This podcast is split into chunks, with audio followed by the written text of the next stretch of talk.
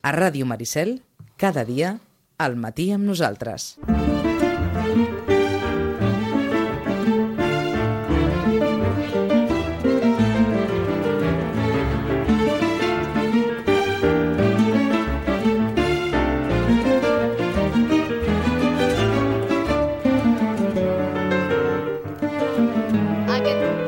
Aquest espai que dediquem sempre a parlar de llibres en companyia de Rosana Lluc, de Llorenç Llibres. Molt bon dia, Rosana, i bon any.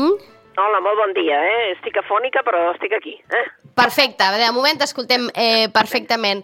Arrenquem nou any parlant de, amb recomanacions literàries, de seguida la Rosana ens en farà, però és que avui no puc deixar de preguntar-te pel llibre de les memòries del príncep Harry, del príncep Enric, que ja ho saben que ha estat un boom absolut, que ja abans fins i tot de la seva eh, publicació se'n parlava, fins i tot va haver algunes llibreries, entenc que no va ser tu, Rosana, que No, va tenir no, no, el llibre abans de, de la data de, eh, de venda, de, posi, de, No, no, de posar-se a la venda, però el tens, eh, el llibre?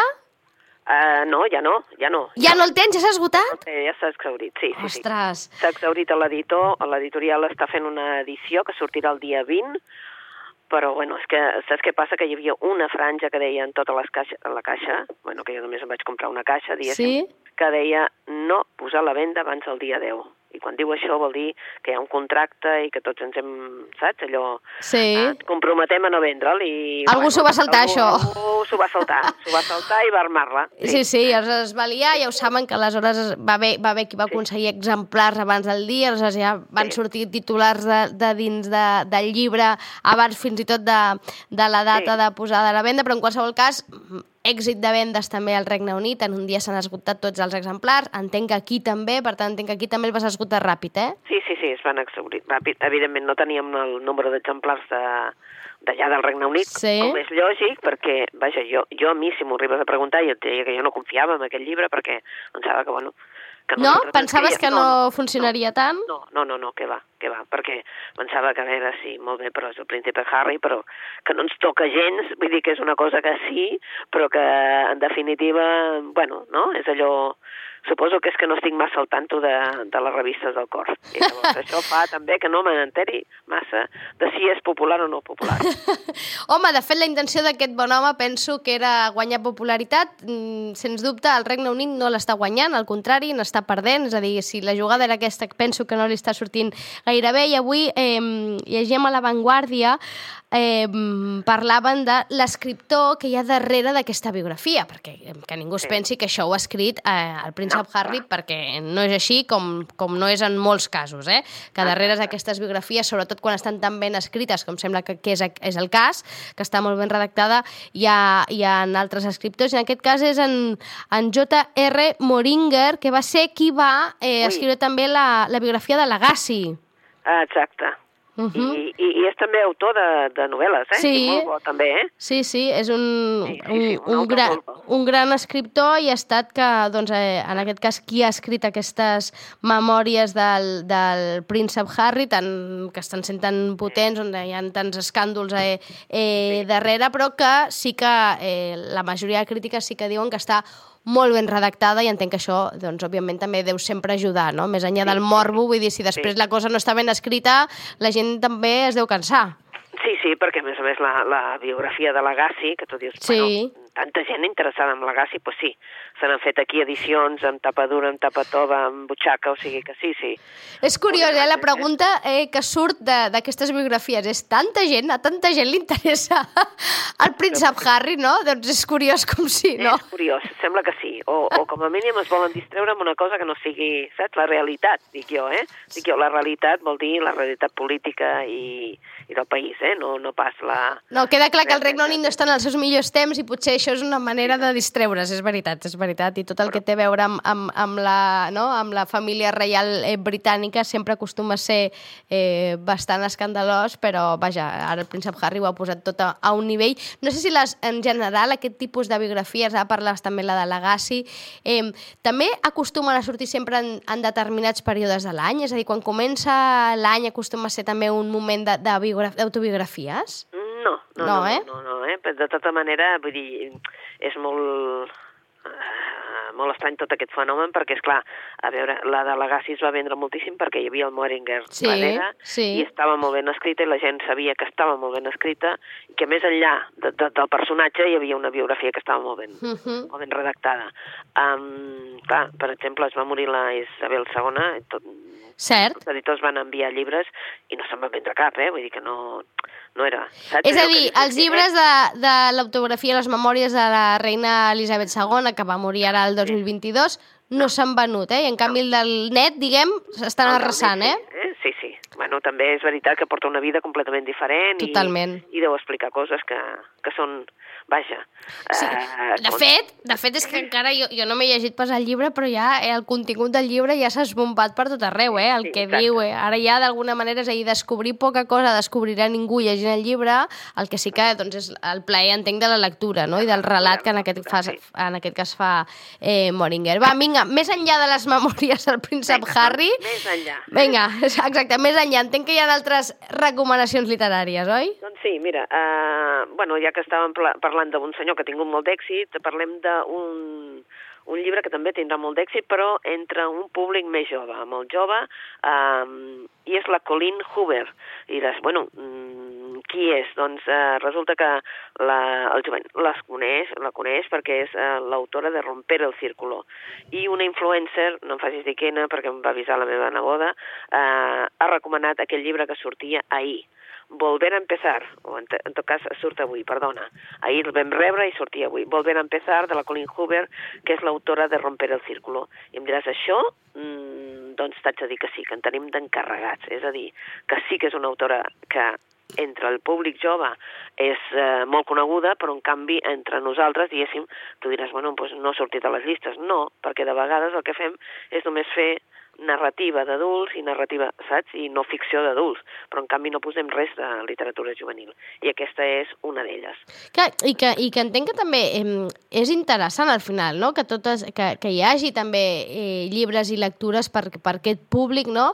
I, i que funcionin també al final és una bona notícia, és a dir, que, Sí. que el jovent llegi, al final el jovent el que està fent és llegir, no? I entenc que això és bona notícia, no? Estim, estem dient jovent i vol dir un jovent eh, més aviat adult, eh? Sí, Vale? sí, sí. Clar, Entorn la vintena, no? 20, 25, Exacte. aquesta I edat, eh? Sí. També més joves, perquè això, saps, ara tothom llegeix, eh, com que ja ho han llegit algunes coses en Wattpad, han llegit un text, doncs s'ho compren i punt. I vull dir, el que passa que parla d'una noia, de la Lily, i el seu exmarit Riley, eh? I busquen, la Lily busca una segona oportunitat, per tant, ja veieu que tampoc el tema és de molt joves, no? Però sí que és veritat que els interessa i suposo que deu estar molt ben escrit perquè a elles els agrada moltíssim. Uh -huh. Doncs el darrer llibre de la Colin Hover, de, que ja saben que era la- l'escriptora aquesta de Romper el Círculo, aquell llibre que eh, tenia alguna a veure amb TikTok, em sona a mi, eh, que, que sí. que tenia alguna a veure, algo a veure amb, la, amb les xarxes, en qualsevol cas, que agrada molt, sobretot a un públic més aviat eh, jove, acaba de publicar Volver a empezar, que és la darrera novel·la de Colin Hoover. Què més? Doncs bé, mm, comencem per un, també per un pes pesant de la literatura en català, mm, perquè es va fer molt famosa només amb la seva primera novel·la, eh, eh, que es deia Parlar amb les plantes, si te'n recordes, la Marta Oriols.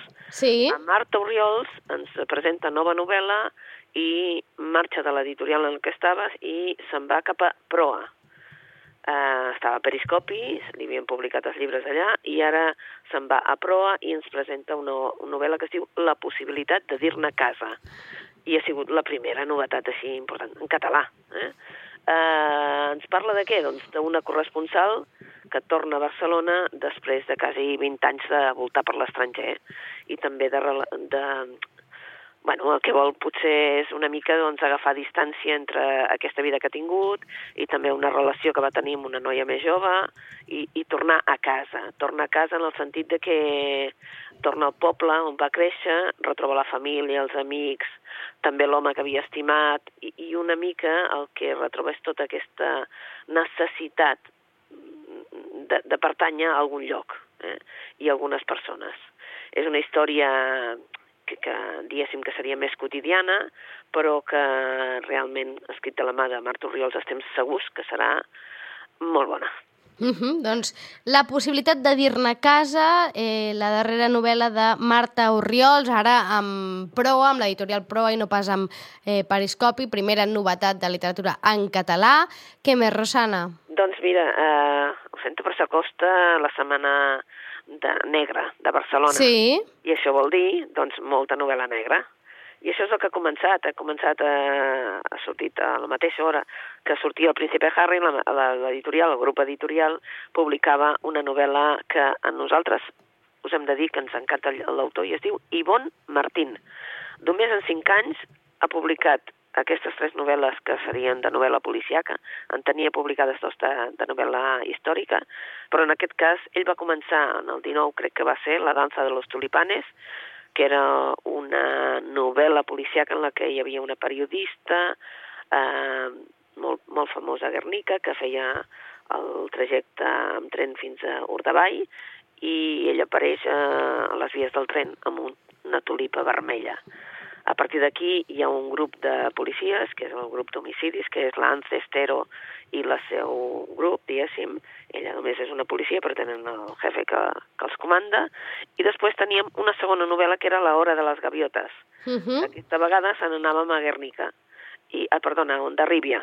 I a Ondarribia, doncs, també, el, diguéssim que el jefe d'aquest comando de la Encestero, etc havia marxat per una qüestió personal, de fer un camí a Santiago, una cosa personal, i ells s'ho veuen encara més difícil, saps, per, per, per poder-ho solucionar, perquè tenen problemes amb l'altra policia que els hi està posant les coses difícils la, la policia d'Ondarribia.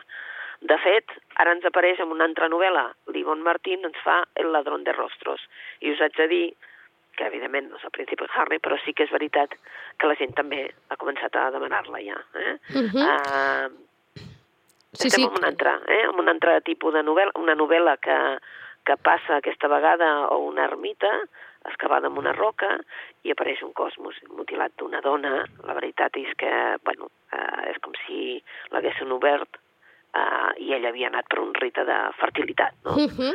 Uh, bueno, és una cosa que t'asseus i lo difícil és aixecar-te. I lo difícil és aixecar-te, eh? El thriller, el tercer, d'alguna manera, thriller de Ivonne Martín. Ivonne, home, és un en- és, és, eh, nom basc, eh? No, que Sí, no sí, busquin sí, ara no, Ivonne, no, el sí. nom de, la, de dona, no, no, diguem no, no, és, és nom basc, eh?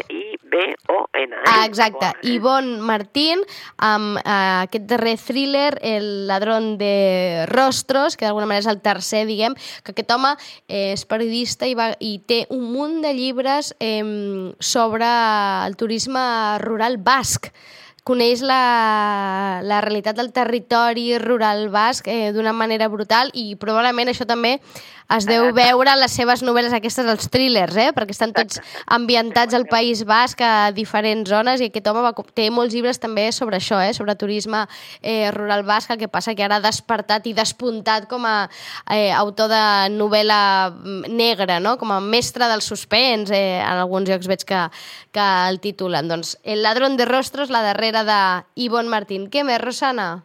Doncs eh, bé, en tenim bastantes més. Una d'una autora que es diu Greta Alonso, eh, bé, una autora que no coneixíem, que ja en té una altra de publicada, però perquè és una, el pseudònim d'una autora eh, del Cantàbric. No sabem res més. És una autora del Cantàbric, però amb un pseudònim. I precisament, doncs, la novel·la que es diu La dama i la muerte, eh, resulta que també ningú no sap qui és la dama. Eh? Només sabem que pinta i es desconeix qui, qui, exactament si és jove, si és gran, si és un home, si és una dona. Um, només se sap que ho fa amb la mà esquerra i, i una mica és com si tingués molta força, no? Um, aquells que el compren saben què hi ha en l'obra, però realment és que ningú no coneix el que hi ha darrere de cada obra. Eh? En cada subhasta doncs, que es fa, vull dir, l'obra es puja i puja i puja i, clar, evidentment, doncs, la incògnita sobre aquesta mm, personalitat augmenta, no? Uh -huh. uh, Lucas Cue és un deportista que, que apareix mort i a partir d'aquí uh, clar, hi ha un nexe entre el crim i, crim i el, la, i un quadre d'aquest misteriós pintor o pintora. Eh? Uh -huh. Greta Alonso, que és un pseudònim, recordin, sí. no sabem qui hi ha darrere de Greta Alonso, no sabem si és dona, si és home, si és gran, si és jove, no en tenim ni idea. Té fins i tot perfil a Instagram y en el seu perfil eh, eh, es defineix com Soy del norte, me dedico a la ciencia y a veces escribo novela negra, entre d'altres aquesta darrere La dama i la muerte, per qui li agradi o tingui curiositat, doncs una nova novel·la de suspens de Greta Alonso, que, que és curiós també això, eh, de, de, del pseudònim que hi hagi algú amagat, no sé si finalment sabrem o, o algun dia sortirà a la llum qui hi ha darrere de Greta Alonso o, o s'ho portarà a la tomba, això. Sí, exacte, eh? no ho sabem. Això pot passar com el Carmen Mola, no? Que a vegades ah, saber, igual sí, no és un... un premi i, i, i, i res, i es descobreixi. I les acaba descobrint, i en aquest cas Carmen Mola eren tres, eren tres i homes, eh? sí, sí, aquests, eh, aquests fenòmens, bé, en qualsevol cas, Greta Alonso és el pseudònim de eh, La dama i la muerte, que és el darrer, la darrera novel·la eh, de suspens d'aquesta escriptora, que no sabem si és escriptor, escriptora, un, dos o tres o quatre, o els que siguin. Te'n fa, què més, Rosana? Bueno, ens passem per una novel·la que està escrita en català i que ens toca de prop en el sentit de que es diu Cira, Cira, perdona, Cira, uh, S-Y-R-A-H, i diu Cira i les filles de la vinya. Eh? Està escrita per la Victoria Fernández, um, que és uh, una autora de llibres uh, de relats, etc. i en definitiva ens porta cap al Penedès perquè ens porta cap al Penedès del 19 amb una personatge, la Jara Macabeu, ja veieu que també té nom de... De, de, eh? de, de vi, raïm, sí, de, eh? de raïm. De raïm, eh? De varietat, sí, sí. Exacte, i, i ella està lluitant per protegir les vinyes, les seves vinyes, i restaurar l'honor de, de la família. Eh? A veure, és una novel·la sobre el vi, una novel·la que se l'està llegint una de la llibreria, una altra, uh, una altra companya de la llibreria, sí? li està agradant, no pensava que li agradés, però sí, diu, està molt ben escrita, la vinya, amor, passió, eh, hi ha una mica de tot, eh? Ah, mira, gràcies que m'ha vingut a mi el cap ara. Eh, sí. Com es deia aquella, aquella, aquell col·laborat de TV3 que... Uh, sí. eh, com es deia? Ara se m'ha anat del cap. Però ja saps quin vull dir, oi? Sí, sí, sí. sí que feien a TV3 als migdies i mm, que sortia l'Emma Vilarassau, si no recordo Sí. Ni saga de poder, exacte. Ah, I era això també, eh? En les vinyes, ah, una dona poderosa, no? Amor, traïcions, una mica és això, eh? Exacte. I, bueno, i, i, i de fet, bueno, és una novel·la que suposem pel fet que estigui aquí, no?, ambientada al Penedès, doncs també tindrà un punt de, de curiositat per nosaltres. Oh, i tant, sempre quan, no? La curiositat de saber sí. si coneixem l'espai, no? O reconeixem d'alguna manera algun dels escenaris que, que pels que transcorre aquest Cirà i les filles de la vinya de Victoria Fernández. I Què més, Rosana? Seguim per un altre perquè ens porta l'Armando Lucas Correa, ens porta una història de quatre dones, de quatre èpoques, de, de quatre orígens molt diferents entre elles, i són unes mares que estan decidides a, a fer el que sigui per salvar a la seva família. Eh? Uh, L'Armando Lucas Correa fa poc va fer una novel·la, bueno, fa poc, potser fa dos anys, que es deia La niña alemana i va tenir força èxit sense haver-hi a fer absolutament res, només del boca-orella, i ara uh, ens porta una novel·la en què quatre generacions de dones doncs, bueno, tenen absolutament de tot, no? com qualsevol vida, doncs amors, pèrdues, eh, esperances, però també elles estan eh, en època de guerra. És una història que va des de l'època de, de quan comença el nazisme a Alemanya fins a la revolució cubana i la caiguda del mur de Berlín. Per tant, ja veieu que, que se n'anem de diferents èpoques. Eh? Um, hi ha una poeta que dona a llum a la Lilith, una nena mestissa, i això estem parlant de l'any 31, i clar, eh, és una època molt difícil d'estar a Alemanya i, i, i, i clar, eh, l'ha de protegir perquè una, una nena mestissa a l'Alemanya tan purista, evidentment l'havia de protegir de Hitler. Però va, clar, això és més difícil, cada vegada que es va fer més grandeta doncs és molt difícil protegir-la. Eh?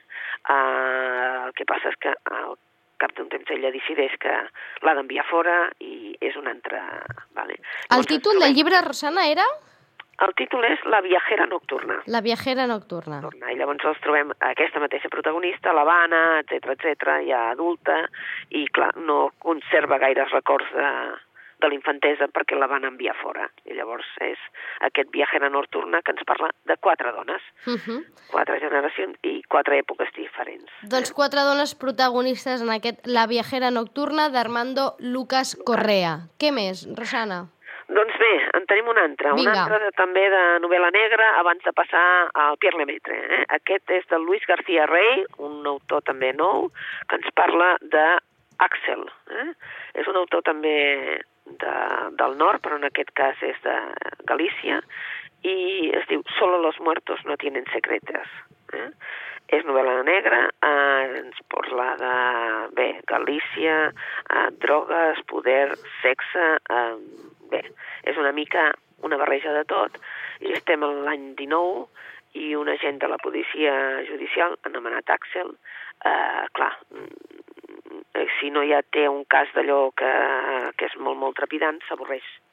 I ell se'n va anar de Vigo per buscar acció a Madrid i un bon dia rep la, la trucada d'una companya, uh, però mm, connecta de seguida uh, Marcos Goya, el president ra radiofònic d'un programa nocturn, acaba d'aparèixer um, assassinat uh, allò, amb, amb un ganivet i la veritat és que sembla que hagi estat torturat. Això és un bon cas, eh? és un bon cas per ell i a Vigo i, i, i, És el seu debut, no? És el seu debut editorial, eh? De sí, Luis García debut, Rey. però així en plan l'editorial hi aposta de debò, eh, piles, eh, punts de llibre, el que vulguis, saps? Per tant, el que l'ha llegit deu ser que està molt convençut de que això ens serà una novel·la així trepidant. Uh -huh. I que serà probablement la primera de moltes de Luis García Rey amb aquest Axel, Axel. Solo los muertos no tienen secreto per tots aquells amants de novel·la negra i de suspens, doncs ja saben que hi ha un nou nom, un nou escriptor eh, que acaba de publicar novel·la i que de moment les crítiques estan sent molt bones. Què més? Tenim temps per un mes. Doncs pues bé, mm, s'hem d'aturar aquí perquè és que el gran pes pesat l'hem deixat pel, per l'últim. Vinga, eh? doncs. Pierre Lemaitre. Pierre Lemaitre ens publica El Ancho Mundo. L'esperàvem perquè ja sabíem que començàvem l'any amb el Pierre Lemaitre i el Pierre Lemaitre té tot, dues vessants. Una que és la novel·la policiaca i una que és novel·la sobre, sobretot, de Primera Guerra, Segona Guerra, eh, el període d'entreguerres, és a dir, que està centra les seves novel·les bé, Uh -huh. en, en aquesta d'això, en aquest període. Aquí ara eh, la centra eh, just després de la Segona Guerra Mundial, que és aquella època que es va anomenar els 30 anys de, de glòria, eh? i l'Ancho Mundo és una obra que ja a França ha sigut molt ben rebuda i que explica les, les, les aventures de la família Pelletier. La família Pelletier eh, posseix una, una fàbrica de sabons a Beirut que estava en aquell moment sobre la influència francesa eh, i tenim la guerra mindoxina i el París de la postguerra com a, com a taló de fons. Per què? Pues que per, per la, el matrimoni Pelletier fa molts diners eh, fent sabons, però resulta que té quatre fills i d'aquests quatre cap es dedicarà al negoci. Eh? Um, tots volen marxar. El Jan, el que és el gran, eh, vol anar a París a vendre, doncs, i resulta que en definitiva estarà venent roba a París. El François, que és potser el més brillant, eh, vol ser periodista eh, i se'n va eh, fora també. Uh, L'Etienne se'n va cap a Saigon, uh, acompanyat d'un gatet, el Joseph, i es vol reunir amb Raymond, que és el, el legionari belga que realment que, que és el que està enamorat. Eh? I tenim un altre personatge, la petita, l'Helene, que està atrapada en una relació amb el professor de matemàtiques i ella el que vol és marxar de casa i marxar dels seus pares. Bé, com sempre, Lemaitre ens fa una gran novel·la, una novel·la amb tot un munt de personatges i cada un amb el seu món i la veritat és que, bueno, eh, una novel·la extensa, però una novel·la increïble. 586 pàgines, però que us faran una bona entrada d'any. Home, 3 milions de, de lectors que, que suma Pierre Lemaitre, per tant, això d'alguna manera l'avala com un gran escriptor, no?, amb un munt de, eh, de seguidors, que més enllà d'aquestes novel·les de suspens, doncs també fa totes com un... Com, Sí. Va com relatant a poc a poc, a través d'aquestes novel·les, extenses novel·les, eh, part de la història del segle XX, eh? Ah, eh. Sí, sí, sí. Eh, i en aquest cas, aquesta eh, ambientada en Indochina, no? Eh, ara explicaves, no?, per a Saigon, exacte, per tota la zona de eh, Indochina, no?, amb aquest El Ancho Mundo, una novel·la molt esperada, perquè entenc que és d'aquells eh, escriptors que té lectors fidels, oi?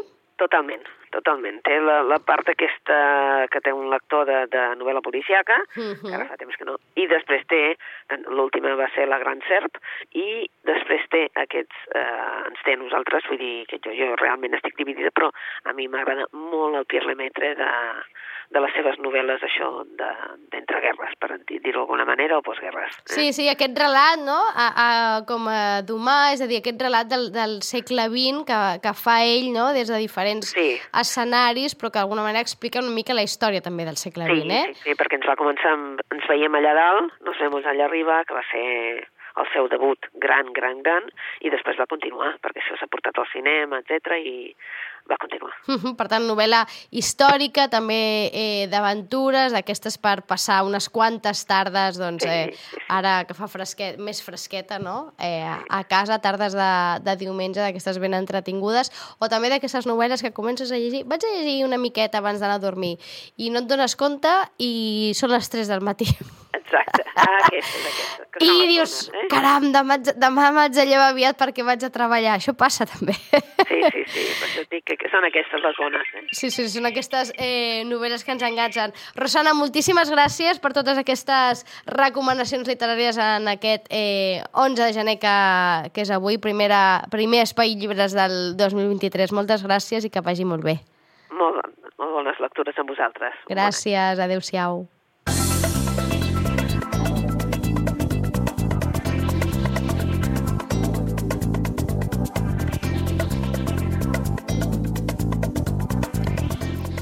I fins aquí, nosaltres posem el punt final avui. Tornem demà a les 9, que acabin de passar. Molt bon dia, adeu-siau.